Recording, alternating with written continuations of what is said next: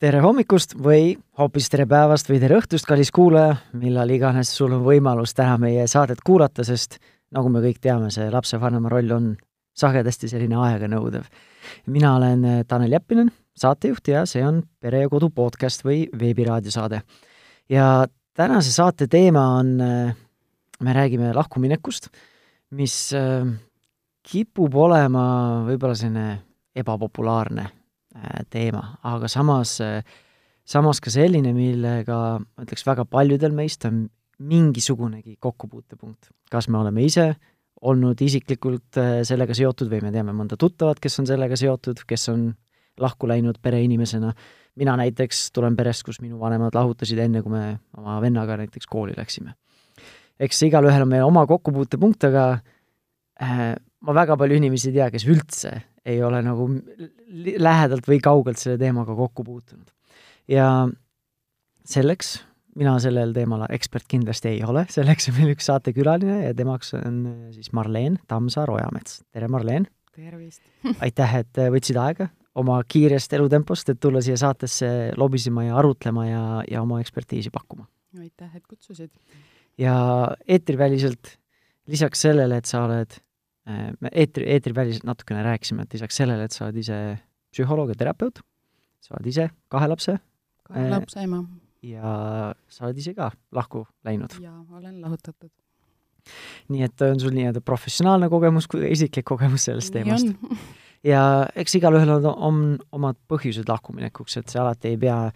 mina ise nagu ei nõustu sellega, et kui äh, mõned nii-öelda ma ei tea, kas vaatavad viltu selle peale, kui pere läks lahku, et nüüd on nad siis nad ebaõnnestunud abielu või ebaõnnestunud lapsevanemad või, või mis iganes, et eks neid põhjuseid võib olla erinevaid ja mõnikord võib-olla see ongi kõik, kõikide osapoolte huvisid arvestades või vajadusi arvestades täiesti õige samm. aga millest me täna tahame rääkida, et just siis teha seda arukalt, et ei jääks ühegi osapoole vajadused siis äh, märkamata ja kõige sagedamini äh, või no ma ei tea, kas minul ei ole kogemust, mul on tunne vähemalt kõrvaltvaatajal, et kõige Nii. sagedamini äh, jäävad võib-olla lapse vajadused märkamata, sest tema on nagu mingil määral nagu kõrvaline, sest tema ei, tema pärast nagu ei lähe lahku või tema ei lähe lahku, on ju, et vanemad on need, kes lähevad lahku. ja kui nad lahku lähevad, lähevad inetult lahku, siis laps jääb sinna keskmesse lihtsalt ja see on hästi kurb nii et äh, see on selline üldine teemapüstitus, aga eks näeb, kuhu me siin, äh, kuhu me lõpuks jõuame selle, selle spiraali käigus nagu. vaatame, vaatame aga sinul nii-öelda nagu professionaali või võib-olla, või tahad, oled sa valmis, võime rääkida isiklikust kogemusest ka, et mis sinu enda isiklik kogemus oli sellega, et äh, kui te lahku läksite? ma arvan, et minu isiklik kogemus oli pigem see, et see ei ole kerge et äh, see otsuse vastuvõtmine ei ole kerge, see protsess ei ole kerge ja ei ole kerge eriti siis, kui sul on lapsed, kellega sa pead ka arvestama. et mm -hmm. äkki on pisut lihtsam lahku minna, kui teid ei ühenda ühised lapsed. et lapsevanemaks olemine paneb sinu peale ikkagi mingisuguse vastutuse. et vastutus oma laste ees. ma sada protsenti nõustun, et mida ma arvan, et ükskõik mil viisil me oleme rohkem seotumad partneriga, seda keerulisem see on, olgu see siis, ma ei tea, finantsiliselt äh,, vara, varadega, muude suhetega, lähi, lähisuhetega, lastega ja nii edasi, et. Ja sellega mul ei ole isiklikku kogemust lahkuminekus äh,, äh, vähemalt hiljutist mitte, nooruspõlvest ikka, aga et äh, nii-öelda just pere, pere poolest, kui me oleme pereinimesed olnud. aga ma nõustun sellega, et see no, ei ole kerge üldse selle teemaga tegelemine, et äh,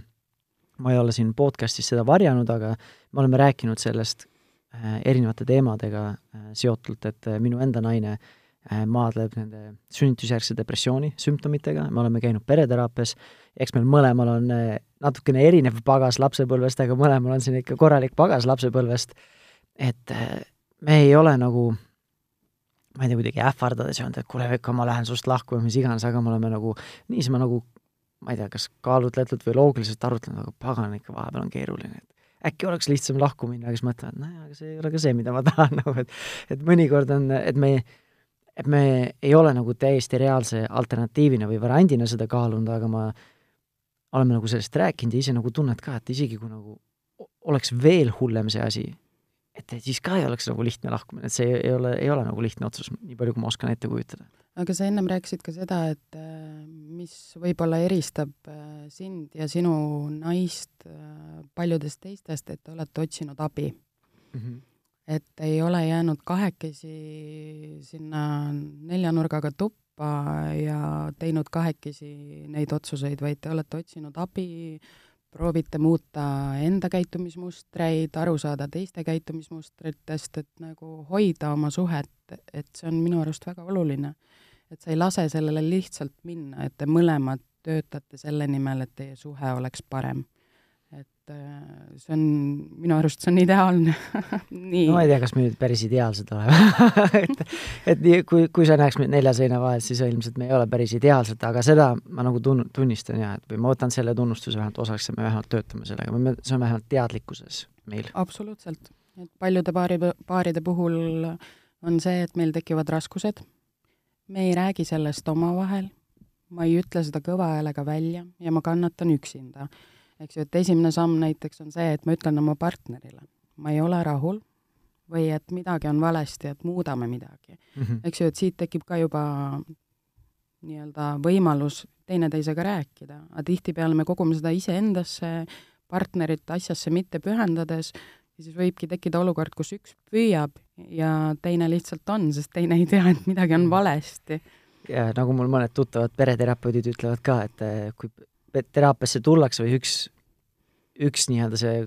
partner nii-öelda veab siis teise sinna teraapiasse, siis teise osapoole jaoks on sagedasti täiesti üllatus. minu jaoks oli kõik korras, nagu ma ei saa aru, nagu, milles teema on või milles asi on. ja vot nüüd terapeut teeb asjast probleemi tegelikult meil on kõik korras ühe inimese jaoks, aga juba kui ühe inimese või ühe osapoole jaoks ei ole korras, siis ei ole paari suhtes ka ilmselt korras. et võib küll nii olla, et nagu sa hästi tabavalt ütlesid, et meil igalühel on oma pagas, millega -hmm. me tuleme suhtesse abiellu, mis iganes ja erinevad eh, eluetapid, abiellumine, laste saamine, kolimine, et kõik need aktiveerivad mingid mustrid ja need mustrid ei tulegi välja nii-öelda tava selles armumise faasis, kus mhm. kõik on tore ja kõik nagu emotsioon on laes ja hästi hea on olla, et see tulebki läbi nii-öelda selle, kui meie elus on natuke raskem mingid su elumuutused? elumuutus, absoluutselt, kui lapsed lähevad kooli näiteks hilisemas eas, eks ju, muuda, muudate oma elukohta, et kõik niisugused näiliselt nagu justkui väiksed asjad mm, -hmm. aga tegelikult need aktiveerivad ikkagi meis mingid mustrid. mul on endal hästi lai tutvusringkond üle, üle ookeani Ameerikas ja seal ma olen nagu märganud, et on ma ei tea, kas mul Eestis ei ole siis selles vanuses tuttavaid nii palju, aga seal on äh, ma ütleks, levinum selline äh, nii-öelda lahkuminemise faas või etapp just see, kui lapsed kolivad kodust välja. et siis mm. võib-olla ongi nii-öelda tunnistuseks selle, et me olemegi elanud tegelikult täiesti eraldi elu, nüüd ei ole enam põhjust koos olla ja nüüd siis kuule, lähme, lähme naudime elu mõlemad nagu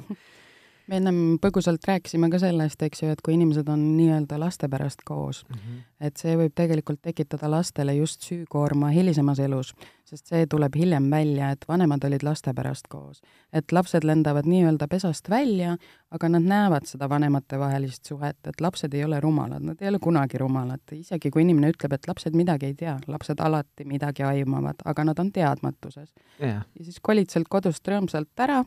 vanemad lähevad lahku, ahah, okei okay,, et sinu pärast olime koos, mida see vaene laps peab endaga kaasas kandma, eks ju, milliseid mustreid tema hakkab oma ja. suhtes läbi pakkima või lahti pakkima. ja sellega ma ütleks ka, et, et isegi kui lapsed võib-olla, eriti kui nad on väiksemad lapsed, nad ei suuda kõike lahti mõtestada, et jah, et nüüd vanemad on minu pärast koos, aga ta nagu tajub seda energiat, nagu ta saab aru, et ei ole asjad normaalsed või ei ole asjad korras, on ju. ja siis teine asi, mis mul tuli äh, nagu meeldetuletus või, või mõte, et kui sa ütlesid, et et lapsed siis nagu, et, et sa, lapsed saavad juba sellest mingi sellise pagasi kaasa või kerge võib-olla trauma, et nagu minu pärast olid koos, minu pärast ema pidi ohverdama oma õnnelikkuse või millegi muu, siis teine dünaamika, mida ma olen märganud, on siis see ka, et, et kui laps nagu tajub seda, et suhe, suhtes, vanemate suhtes on midagi väga valesti, siis mingil määral võib-olla paneb lapse, laps võtab ise endale selle vastutuse, nüüd minu ülesanne on vanemaid ära päästa või suhet ära päästa või hoida, absoluutselt. ja, ja, ja see on nagu väga mitte, mitte eakohane või eh, nii-öelda kohustus või vastutus lapsele, et ta ei ole selleks valmis ja see ei olegi tema, tema ülesanne või tema vastutus nagu. et siis mingil määral võib nagu selle lapsepõlve ka väga lühikeseks lõigata, ma pean kiiremini mingil tasemel nagu täiskasvanuks saama ja täiskasvanu koormat kannatama. absoluutselt, et äh, olen äh, seda näinud oma klientide peal, ka isiklikus elus kogenud oma sõprade peal, et noh, tõesti nii on, et lapsed võtavad vastutust. sest kui keegi ei vastuta, siis keegi peab ju ometigi vastutama ja laps oma nii-öelda süütuses või, tahab ju tegelikult alati, et tema lapsevanemad oleks koos, ükskõik mis seal siis ei oleks, tema näeb oma vanemaid koos ja loomulikult hakkab ta siis kuidagi võib-olla käituma selliselt, mis nõuaks vanemate koostööd, et äh, need on erinevaid asju, tek-, tekivad tervislikud häired, mille pärast vanemad on sunnitud omavahelist koostööd tegema, eks ju, et äh, kui peredes on tülid, siis on noh, eriti näha õppeedukuse langust, valed seltskonnad, mis iganes, et noh, et tegelikult see on lapse appikarje, et, et võtke midagi ette, olge teie vanemad ja laske mul olla laps. ja kui sa seda räägid, siis ma juba ise mõtlen, nagu et kui ise olla selles sels-, selles keskkonnas ja selles olukorras lapsevanemana või selle ühe partnerina, kus sul tegelikult on enda nagu nii, endal nagu stressirikas, pead oma igapäevaeluga manageerima, siis äh, oma nii-öelda väikeste või suurte teemonitega, sisemiste teemonitega tegelema, siis selle paarisuhtega, et see nõuab ikka väga palju kohalolekut või,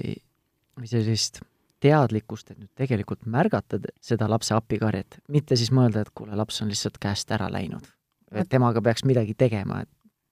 aga tead, tihtipeale tullakse ka laste pärast vastuvõtule ja hiljem selgub, et äh, suhe on siiski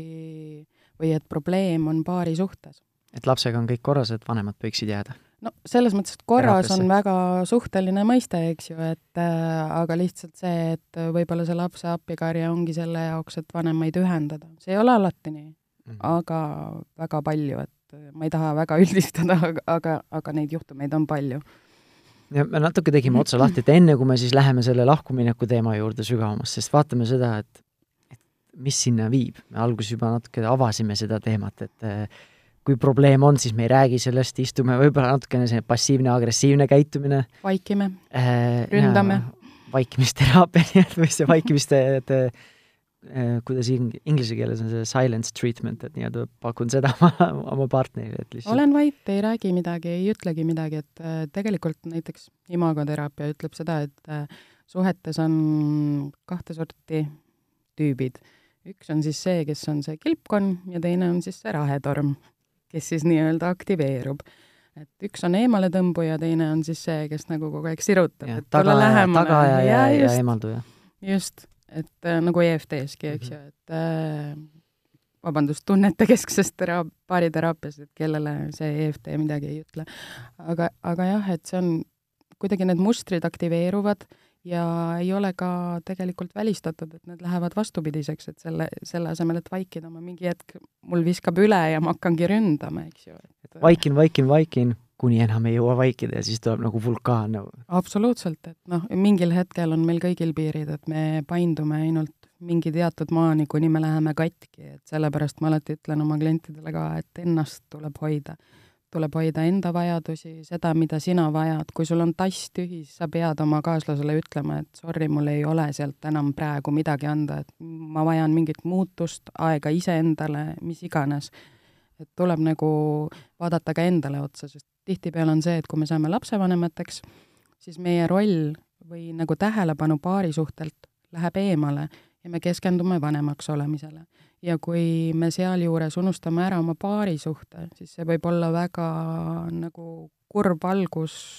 mingile lõpule. et, et see on keeruline mhm. arvestada mitme inimese emotsioonide ja vajadustega, et ja siis, kui veel suud-, suudad keskenduda lapsele ja võib-olla juba tegelikult suudad natukene ka paarisuhtele keskenduda, aga unustad iseennast ära, et see ilmselt ka ei ole väga hea koht. just, et olla. panustad kõik omale,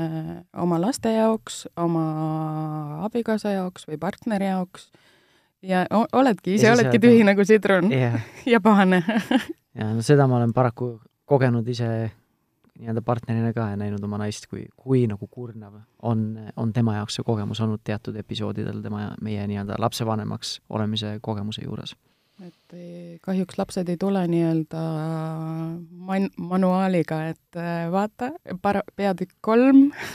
punkt viis, loe sealt, mis teha. et noh, tänapäeval on absoluutselt on-off. et tänapäeval on ju hästi palju niisuguseid äh, kasvatusalaseid kirjandusi,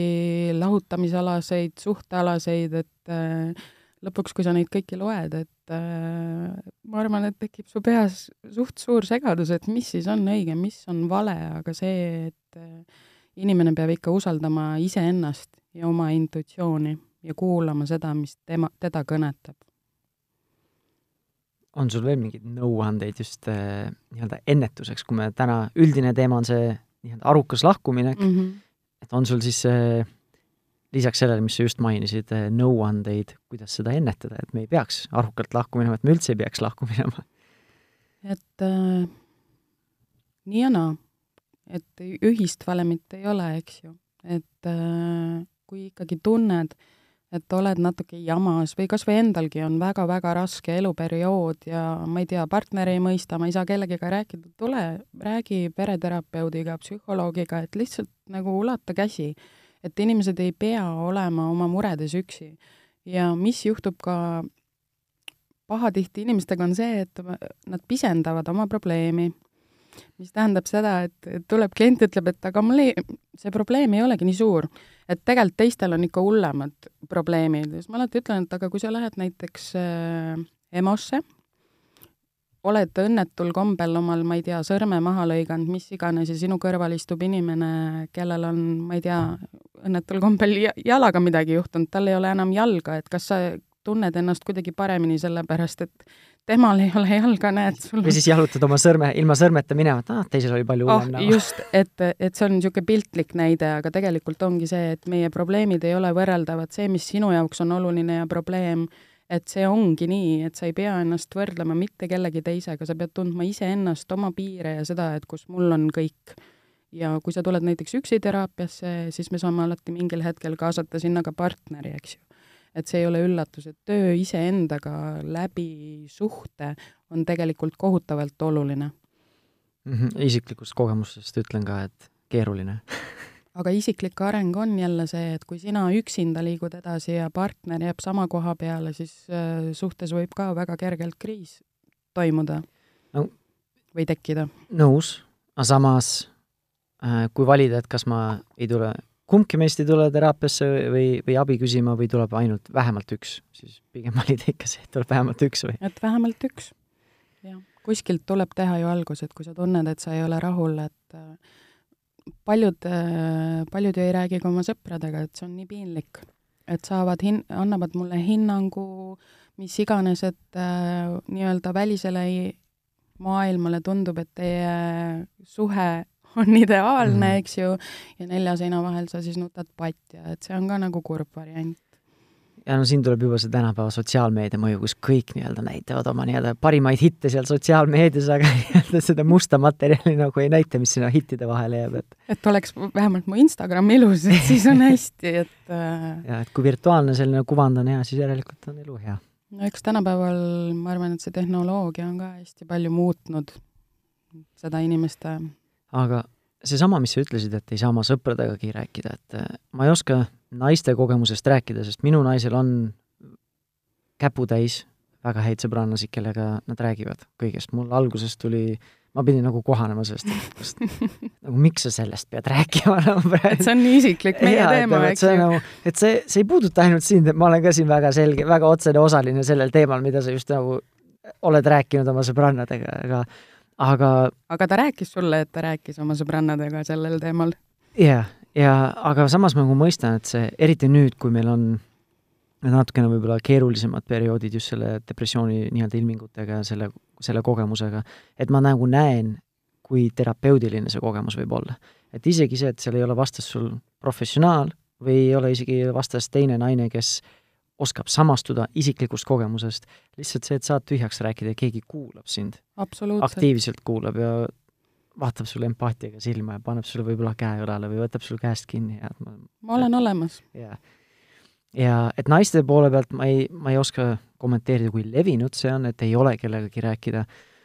aga meestel on ikka vahepeal ikka paganama raskem avada ennast. ma ei tea, tuleb see siis kultuurist, tuleb see mingist Nõukogude äh, nii-öelda sellest pärandist, kuidas meid kasvatati, kuidas meie vanemaid kasvatati, või mingist, ma ei tea, maskuliinse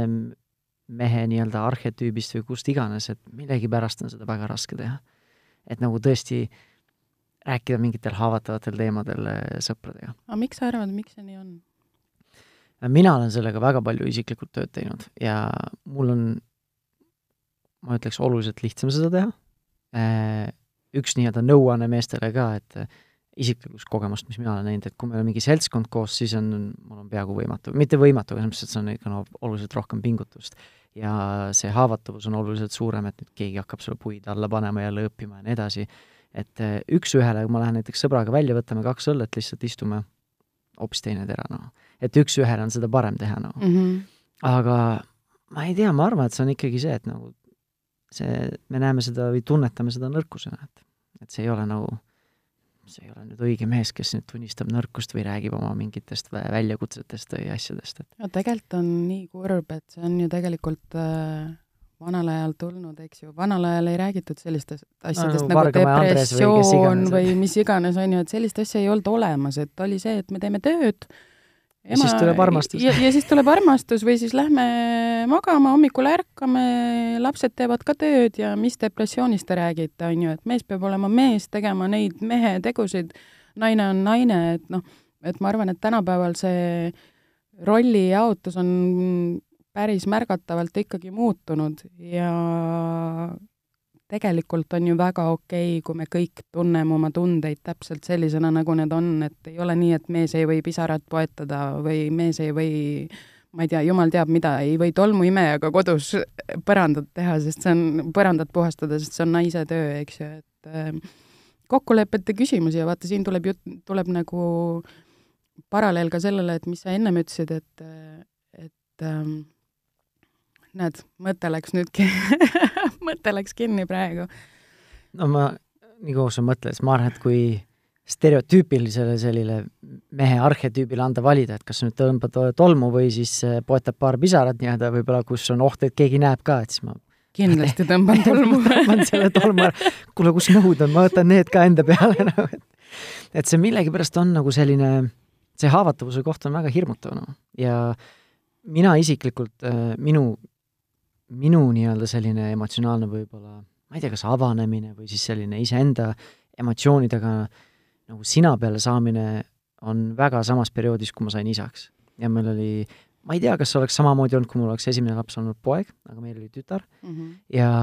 mul ei olnud väga nagu äkiliselt või järsku, mul ei olnud absoluutselt probleeme oma tütre juures oma emotsioone väljendada. kui ma olin nagu sellest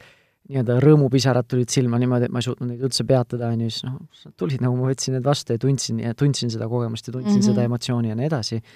et aga enne seda ma arvan, et ma olin ikkagi, pigem kaldusin sinna selle mehe, mehe arhetüübi poole, et kes nagu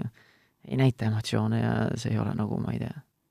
kas alateadlikult või teadliku otsusega, aga lihtsalt see, see ei olnud see, kuidas ma tahtsin käituda või välja näidata oma emotsioone sellepärast, et mehed ei tee nii, eks meestel on mingi kindel roll, kindel, kindlad äh, asjad, mis on lubatud, mis ei ole ja siis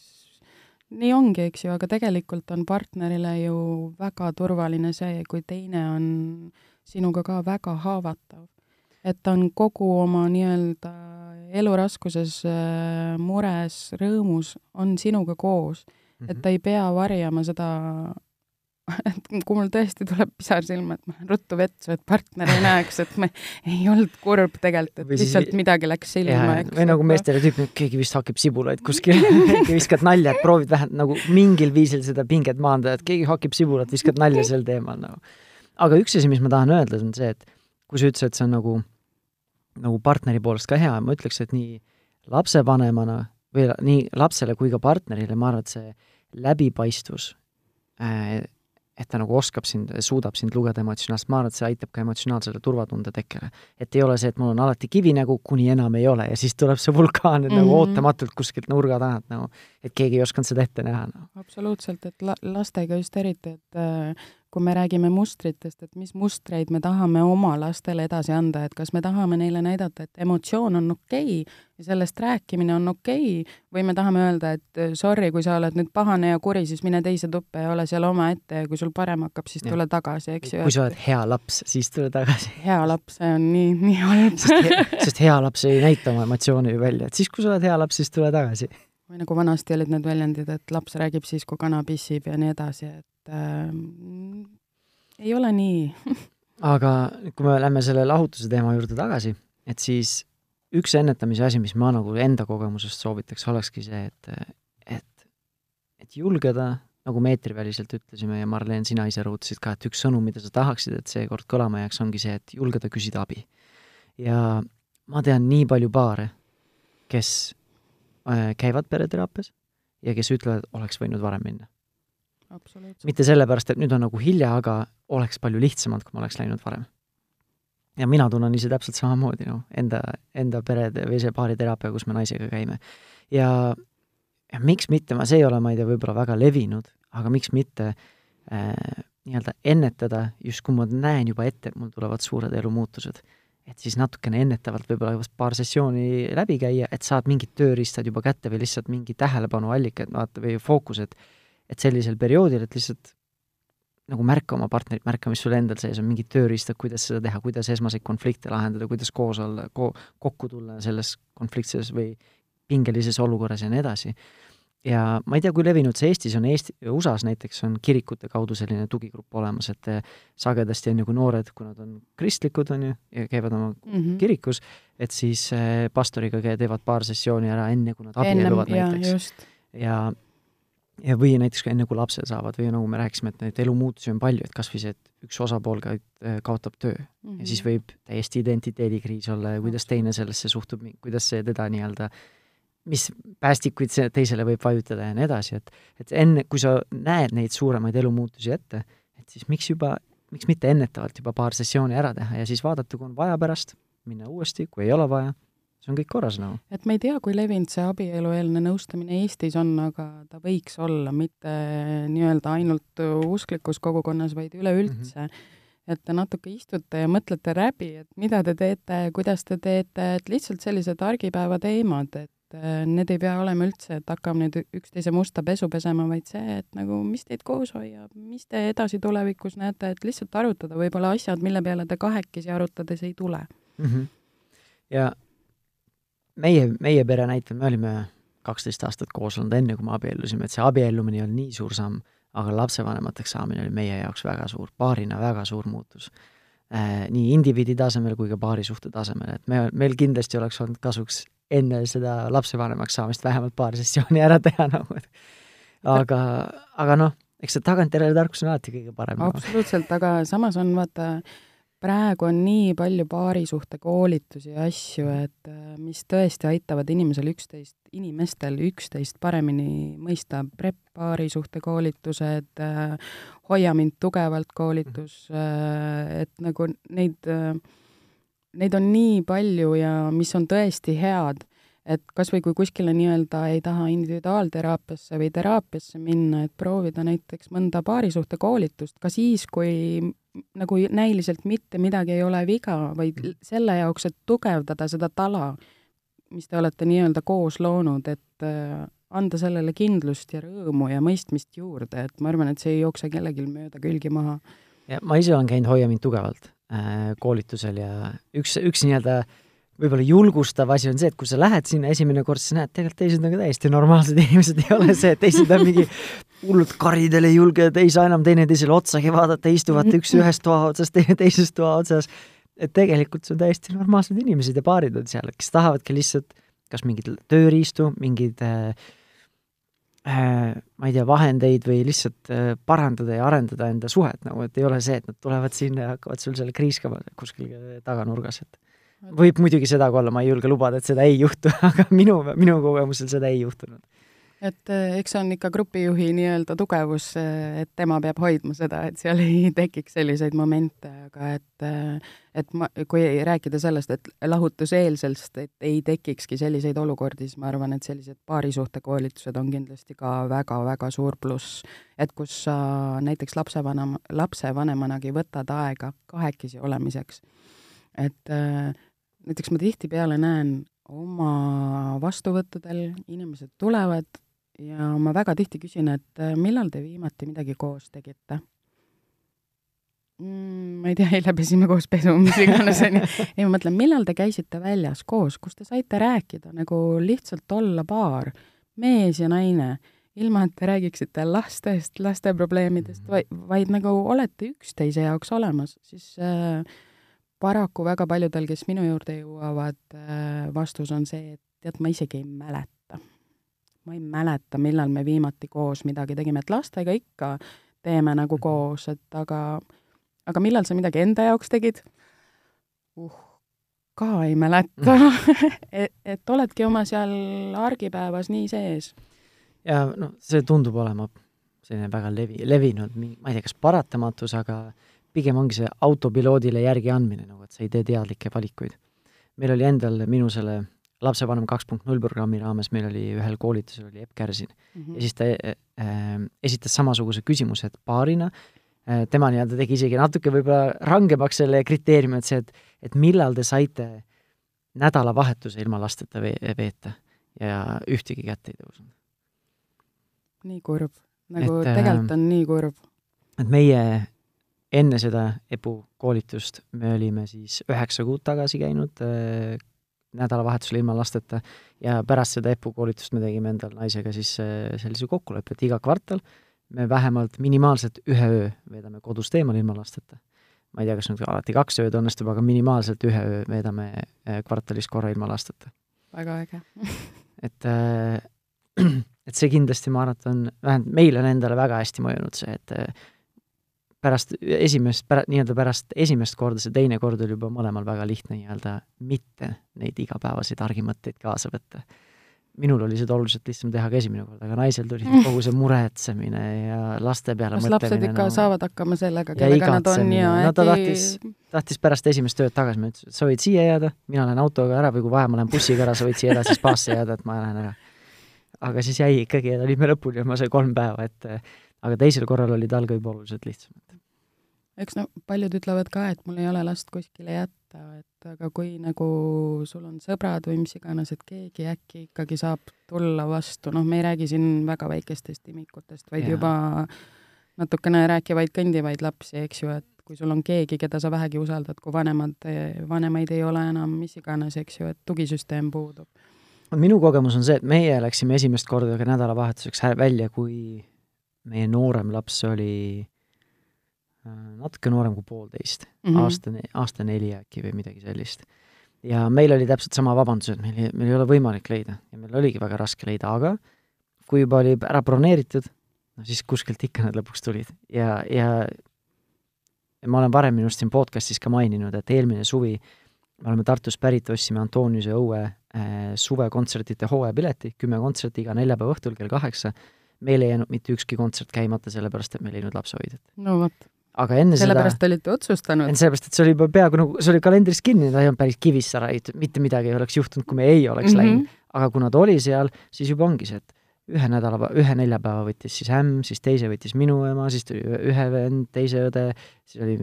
ükskord võib-olla oli palgaline või tasuline lapsehoidja, onju. Mhm. et, et ma ütleks siis, et kui kuidagi on vaja, siis kuidagi ikka saad nagu et kui, või kui väga vaja on, et siis kuidagi ikka saab. ja samamoodi, kui inimesed ütlevad, et meil ei ole raha, et midagi koos teha, et on ju asju, mis ei nõua raha, jalutuskäigud äh,, kodus teed nagunii süüa, võtad selle piknikutoiduna kaasa, lähed kuskile, rattaga sõit, koos spordi tegemine, et neid variante on tegelikult mm -hmm. ju palju, kui panna oma nii-öelda ettekujutlusvõime tööle. meie augustikuu plaan on naisega minna telkima kaheksa-üheksa väga äge et kui telk on juba olemas, siis ta ei nõua sult raha ben, ben, bensiini ainult, et sinna sõita, no. või sa võid bussiga ka minna. bussiga minna või jalutada, on telk alles jälle omaette seiklus. Äh, aga nüüd teeme väikese käiguvahetuse ja vaatame siis, mis mõtted sul sellega on, et kui nüüd äh, me näeme juba, et see on paratamatus, et see, me, et me läheme lahku, et äh, mis on siis seal sellised, ma ei tea, kas ohukohad või, või need teemad, mille puhul siis olla ise hästi teadlik või tähelepanelik, et siis lapse vajadused ja ja laps ise ei jää siis märkamatuks või me räägime siis nagu paaridest, kellel on lapsed yeah. ja kes plaanivad lahutada. täpselt. et äh, siin on tegelikult hästi palju nüansse, mida, millega võiks arvestada, et äh, üks oluline asi näiteks, kui lastele rääkida lahutusest, et mõlema vanema tõed oleksid ühesugused, et soovitatakse tegelikult seda teha nii, et me räägime lapse, lastele koos. Et meie jutt on ühesugune, mis iganes see ei ole, et ei ole nii, et ema räägib ühte juttu, isa räägib teist juttu, üks süüdistab ühte, teine teist, eks ju, et et seda ma teha ei soovita. mida veel silmas pidada, on see, et lahutatakse lapsevanemaid, mitte lapsi vanematest, et see on nagu hästi oluline, et kui ka täiskasvanud inimesed lahutavad, siis lapsed vajavad siiski kahte vanemat, olgu nad ühes majapidamises või kahes erinevas. et see suhe peab tegelikult jätkuma, ükskõik mis on sinu valu, sinu mõtted, mis iganes, et äh, lapsed vajavad mõlemat lapsevanemat, et äh, see kõlab väga õigesti ja tegelikult isegi hästi, aga kuidas see praktikas nagu siis välja näeb, sest ju lapsed ei saa korraga sama vanema, vanema juures olla ja kui kui laps käib näiteks koolis või lasteaias, mingid huvialaringid, et et ta siis veedab võrdselt aega lapsevanematega, ma ei tea, kui praktiline või võimalik seegi on enam paljude perede puhul. no see võrdselt on nagu niisugune noh, see on juba võitlus. et sina pead saama nii palju, mina pean saama nii palju ja kõik, eks ju. et tead, selles mõttes ma olen natuke kimbatuses, et neid lahutusi on nii erinevaid, on selliseid, kus äh, kakeldakse majandusliku olu pärast mm., olukorra pärast, kus kakeldakse selle pärast, et kelle juures lapsed peaks rohkem olema, kes on parem lapsevanem ja nii edasi, et kuna ma olen Dialoog laste nimel koolitaja, programmi koolitaja ka, et siis ma tihtipeale näen ka neid paare, kes on äh, juba pikemalt olnud kohtus ja kaklevad laste hooldusõiguste üle, mille iganes üle aga lapsed on jäetud tegelikult tahaplaanile, neil ei ole enam turvaline. et kui ma ei tea, isa mustab enda juures ema, ema mustab isa, enda juures nagu isa, et, et lapsed on lõksus. et kui vanemad kaklevad, siis ei ole lastel hea. et kõik need omavahelised arutlused, laste hoolduse teemad, rahalised teemad, need tuleb hoida lastest eraldi. et see on kahe täiskasvanu vaheline vestlus et see ei ole selline vestlus, kus lapsed peavad osalema või andma nii-öelda oma panuse, et mina tahaks, et oleks nii, et issi annab raha ja ma ei tea, emme kulutab, mis iganes, on ju, et et tuleb ära aduda, et mis on kelle vastutus. lapsevanemate vastutus on olla lapsevanem edasi. mis siis, et paarisuhe lõppes, mis siis, et äh, sai haiget üks pool, teine pool, mõlemad, eks ju, et äh, et tuleb meeles pidada seda, et kui sa oled lapsevanem, sa oled omale loonud kellegiga pere, teil on lapsed, järelikult midagi head seal ju oli, mis teid viis sellesse seisu, et te otsustasite, et me tahame, et meid oleks rohkem, et meie pere koosneks rohkematest inimestest. et midagi head sa ju ometi oma abikaasas nägid, et sa otsustasid, et näed ma tahan temaga saada lapsi, veeta oma elu temaga koos, et võib-olla vahest aitab see mõte, et ma tulen sinna tagasi, et aga mis tas head oli?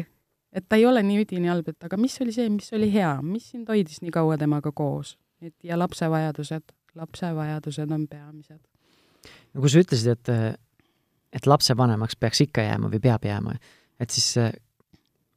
kas see lapsevanema roll ikkagi muutub või see nagu pea,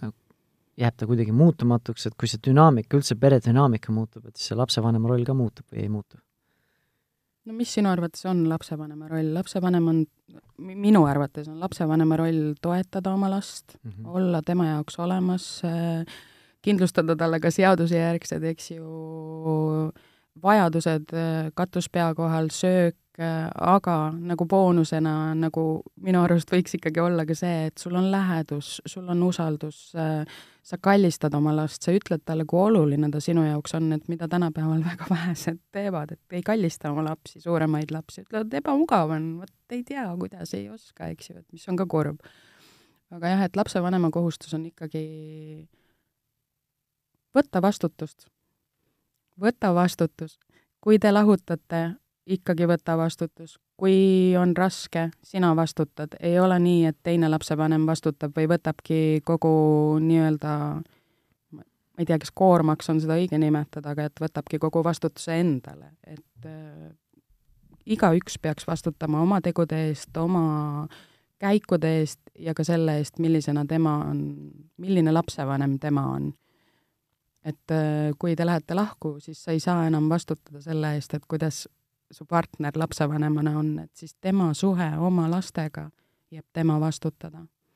et kui vanasti oli võib-olla see, et ütlesid, et kuule, et tee nii ja tee naa, et siis nüüd see vastutus nagu jagatakse võrdselt mm -hmm. laiali või selles mõttes, et igaüks vastutab oma suhte eest ise, samamoodi nagu abielus vastutab igaüks oma suhte eest ise, eks ju siis. aga ma loodan, et inimestel on piisavalt tarkust ja motivatsiooni, et, et mitte et laste nimel teha koostööd, et säiliks omavaheline normaalne suhtlus, et me saame kas või vanemate asjad omavahel selgeks rääkida, et mis on vanemlikus pooles oluline mm. -hmm. kuidas sa ise hindad, minu, nii palju, kui ma oskan sinna ennast sellesse olukorra või situatsiooni panna või nii palju, kui ma olen kõrvalt näinud seda, siis ma arvan, et paljudel paaridel ei ole nagu puudu motivatsioonist, et meid ei ole see, et nüüd ma tahan oma lapse elu põrguks teha ja noh, et kui keegi küsib, siis ikka ütled jah, et lapse, praegu nagu lapse vajadused on olulised minu jaoks, aga kas siis jääb puu-, kui motivatsioonist ei jää puudu, kas siis jääb puudu tööriistadest ja oskustest või lihtsalt äh, võimetusest panna oma riivatud ego kuskile tahaplaanile või alla suruda või, või võib-olla pigem tõesti see, et äh et me ei oska endale peeg-, endale peeglit mängida, eks ju, et ma ei oska peeglisse vaadata ja aru saada, mida mina teen sellist, mis soodustab seda olukorda. kuidas mina panustan sellesse olukorda praegu? just, et äh, sama on ka suhte ajal, eks ju, et tihtipeale me märkame teiste vigu, mitte iseenda vigu, eks ju. teise kui... silmas on palk ja endal ei näe seda pinda et, et, et jah, et äh, oluline on iseendale otsa vaadata ja mõelda nagu, et äh, samamoodi on lahutuse puhul, eks ju, et me võime siin rääkida, et üks on süüdi, teine on süüdi, abielus oli kaks inimest ja ka lapsevanematena me oleme kaks erinevat inimest ja ka lahutades me jääme inimesteks, eks ju, et äh, siin ei ole nii, et üks on rohkem süüdi kui teine, et igaüks on midagi teinud selle jaoks, et see olukord on muutunud selliseks, kas siis liiga palju öelnud, mitte midagi öelnud, et neid variante on tegelikult nii erinevaid? No suur respekt nendele lapsevanematele, kes suudavad seda siis rahumeelselt eh, lahendada just selliselt, et ka laste vajadused jäävad siis äh, nii-öelda, et saavad märgatud, saavad arvestatud ja nii edasi, et tead, ma ütlen sulle ausalt, et ega see ei ole ka alati lihtne, et see ei ole ka niimoodi, et nüüd otsustame ja nagu isiklikust kogemusest lähtudes, et nüüd otsustame, et oleme sõbrad, teeme kõik nagu mõistlikult ja nii edasi, ikka on emotsioone, ikka tekib selliseid äh, vääritimõistmisi või tekib mingi vana valu tuleb üles, et see on hästi inimlik. Aga kui seda saab omavahel arutada või kas või sõpradega või terapeudiga arutada, et siis noh,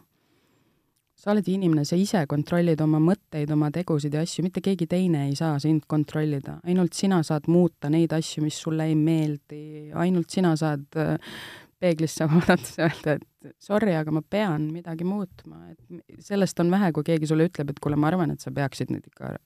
oluliselt muutuma, sest sa oled ikka täiega nõme või mis iganes, on ju, et sa pead ise seda nägema. või, või kui keegi tõmbab sellele tähelepanu, vähemalt selle omaks võtma või tunnistama seda, et või hetke seedima ja aru saama, et miks ta huvitav nii ütles, natuke analüüsima, et äh, ma soovitan hästi niisugust helikoptervarianti, et sa astud endast kõrgemal, kõrvale ja kõrgemale ja jälgid kogu seda olukorda, mis toimub ja saad aru ka teistest, mitte ainult iseendast, vaid ka teistest, miks teised reageerivad, nagu nad reageerivad, muidugi mul on see professionaalne kretinism natuke, et, et ma toimin sellisel viisil võib-olla hulga paremini, aga, aga noh, et lihtsalt vaadata ennast kõrvalt mm -hmm. või mõelda ka selle peale, et kui ma teen mingeid asju, et kas, kas annab mu lapsele midagi juurde või võtab talt midagi ära kas minu otsused mõjutavad minu lapse heaolu või ei mõjuta.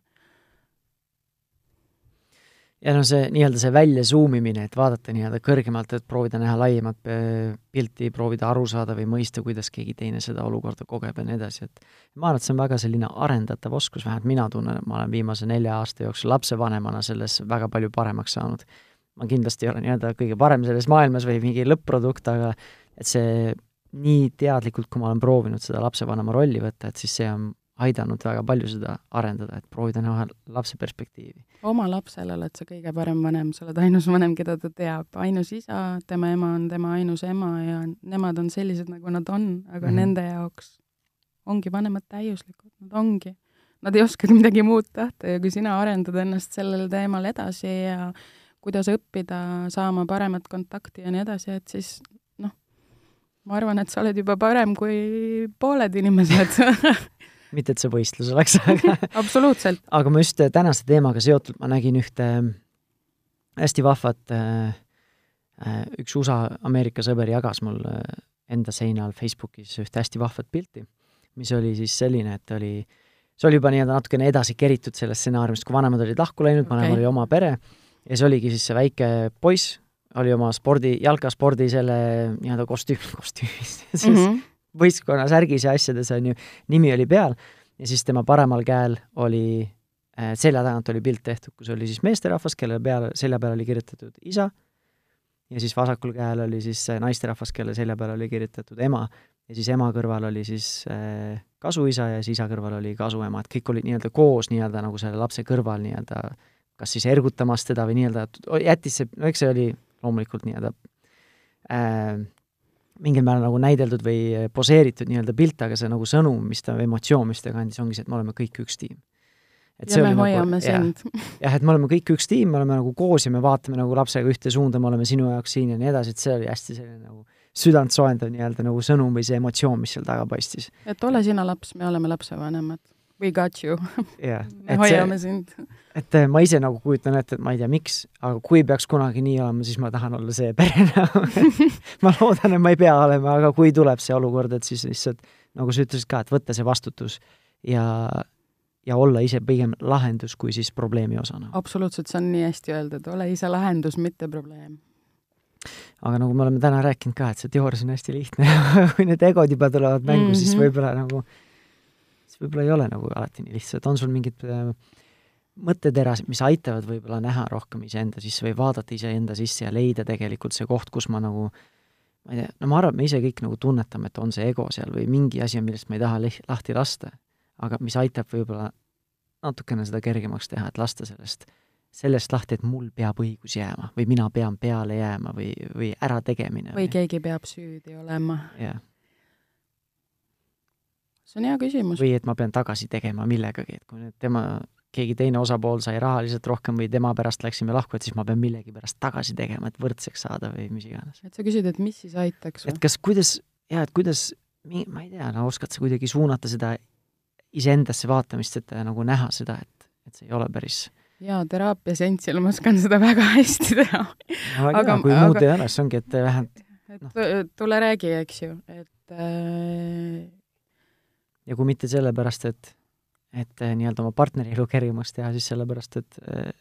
lapse elu oleks lihtsam ja kergem. ja see ongi see, et see ei ole enam sinu partner, see on sinu ekspartner, eks ju, et eh, et see lahkuminek on ju tegelikult iseenda ümbermõtestamine jälle kord.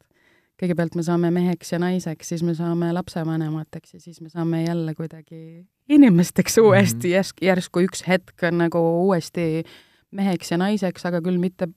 paarina, vaid täiesti uus mõtestatus, et kes mina olen Uus naisena, kes mina olen mehena ja kui sa selles hetkes satud kriisi, on ju, et siis, siis ongi väga raske, et siis tuleks nagu tegeleda natuke enesearendusega ka, ka siis, kui sa tunned, et sa oma kaaslast kohutavalt vis-, vihkad, räägi sellest, aruta seda, et mi-, kust need tulevad, need tunded, miks need tunded tulevad ja noh, kogu seda protsessi, et püüa aru saada nagu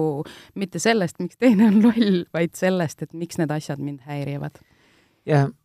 ja see on, see ongi nii-öelda iseendaga tegelemine, iseendaga töötamine ja, ja ma ei ole nüüd pereinimesena küll lahku läinud, aga meil on olnud enne, kui me abiellusime, üks ma ei tea, kas suurem selline suhtekriis,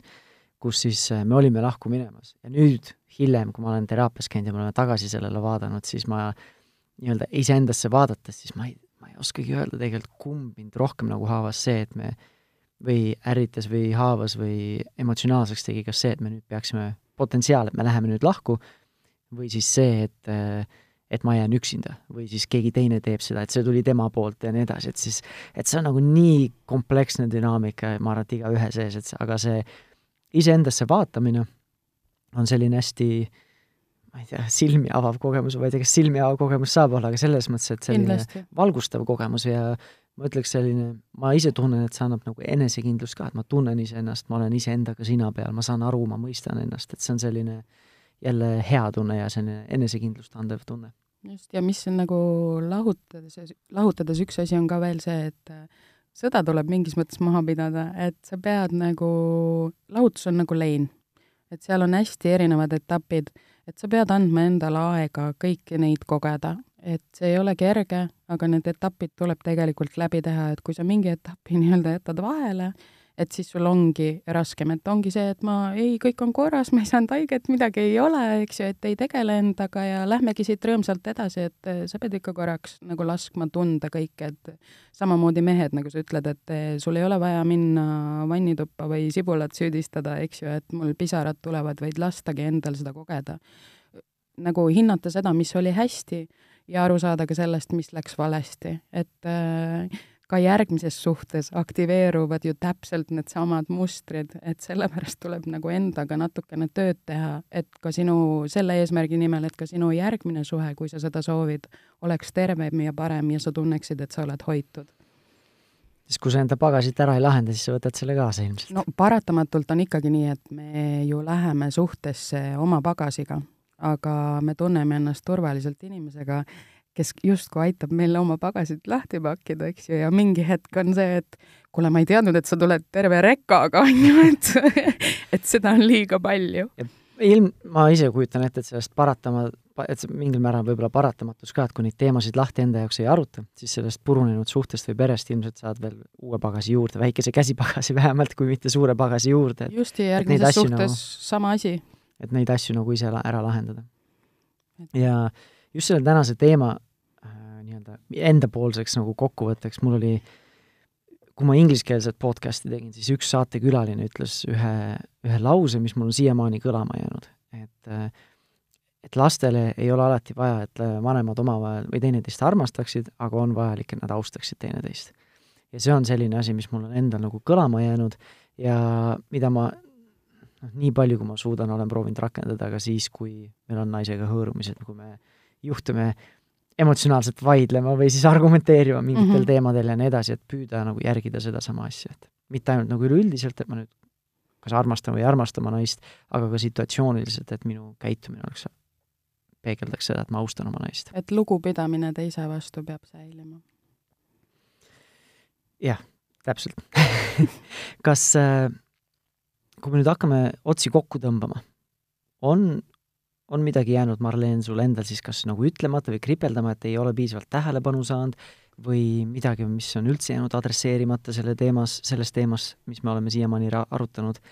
et eh, tahad sa midagi lisada senisele arutelule? praegu mõtlen, et meil on olnud nii hoogne vestlus, et ma loodan, et kuulajad on saanud ikkagi mingis osas vastused oma küsimustele et mis neil üles tekivad, et eh, et minu julgustus endiselt on see, et kui te olete hädas, otsige abi et minge terapeudi juurde, pereterapeudi juurde, mis iganes teraapia teile rohkem sobib, eks ju, et otsige abi, et äh, te ei pea olema oma mures üksinda. Te ei pea olema halvas suhtes üksinda, et alati on olemas mingi lahendus, kas see lahendus on, et suhe muutub paremaks või see lahendus on see, et me läheme eraldi teid pidi, et ta alati on midagi mm. -hmm. ma arvan, et väga väga hea nii-öelda kokkuvõte, et ja kui nüüd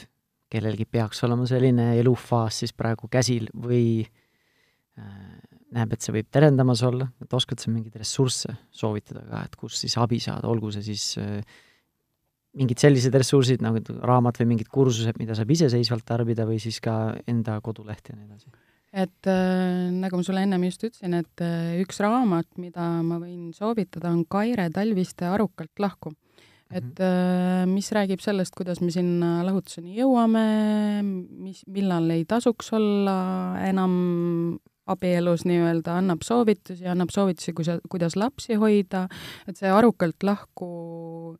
on väga, väga arukas pealkiri, et see, see on tõesti niisugune ressurss ja kindlasti on ka veebis erinevaid mm -hmm. nii-öelda ressursse, et äh, kes soovib tulla minu juurde vastuvõtule, leiab mind äh, www.mindguide.me see on siis et, inglise keeles äh, Mind Guide. Mind Guide, mõttejuht mm. -hmm. et olen täiesti Facebookis olemas ja nime järgi guugeldades leiab ka, et Marleen Tammsaar-Ojamets kuskile Google Searchi ja toimib väga hästi, et äh, kellel on abi vaja, saab kirjutada, saata SMS-i, et äh, kui ei taha minu juurde tulla, kindlasti oskan soovitada teisi väga häid terapeute ja pereteraapia.ee on ka üks koht, kus te leiate hästi palju pereterapeute, litsenseeritud pereterapeudid, kelle nimekirjast saab siis valiku teha. ja seal on regiooni kaupa ära toodud nagu. jaa, just. saad vald-, oma nii-öelda elukoha järgi vaadata. just, et ei pea sõitma Põlvast Tallinnasse, et saad ka kodu lähemal abi ja sa mainisid eh, jutu sees ka eh, Dialoog laste nimel koolitust. dialoog laste nimel koolitus, just, et see on, eh, et sinna ei selles mõttes, et äh, tasub tulla, kui te olete tõesti omadega väga hädas, te ei jõua mitte mingites asjades enam kokkuleppele, olete võib-olla juba kohtus oma laste hooldusõigustega, et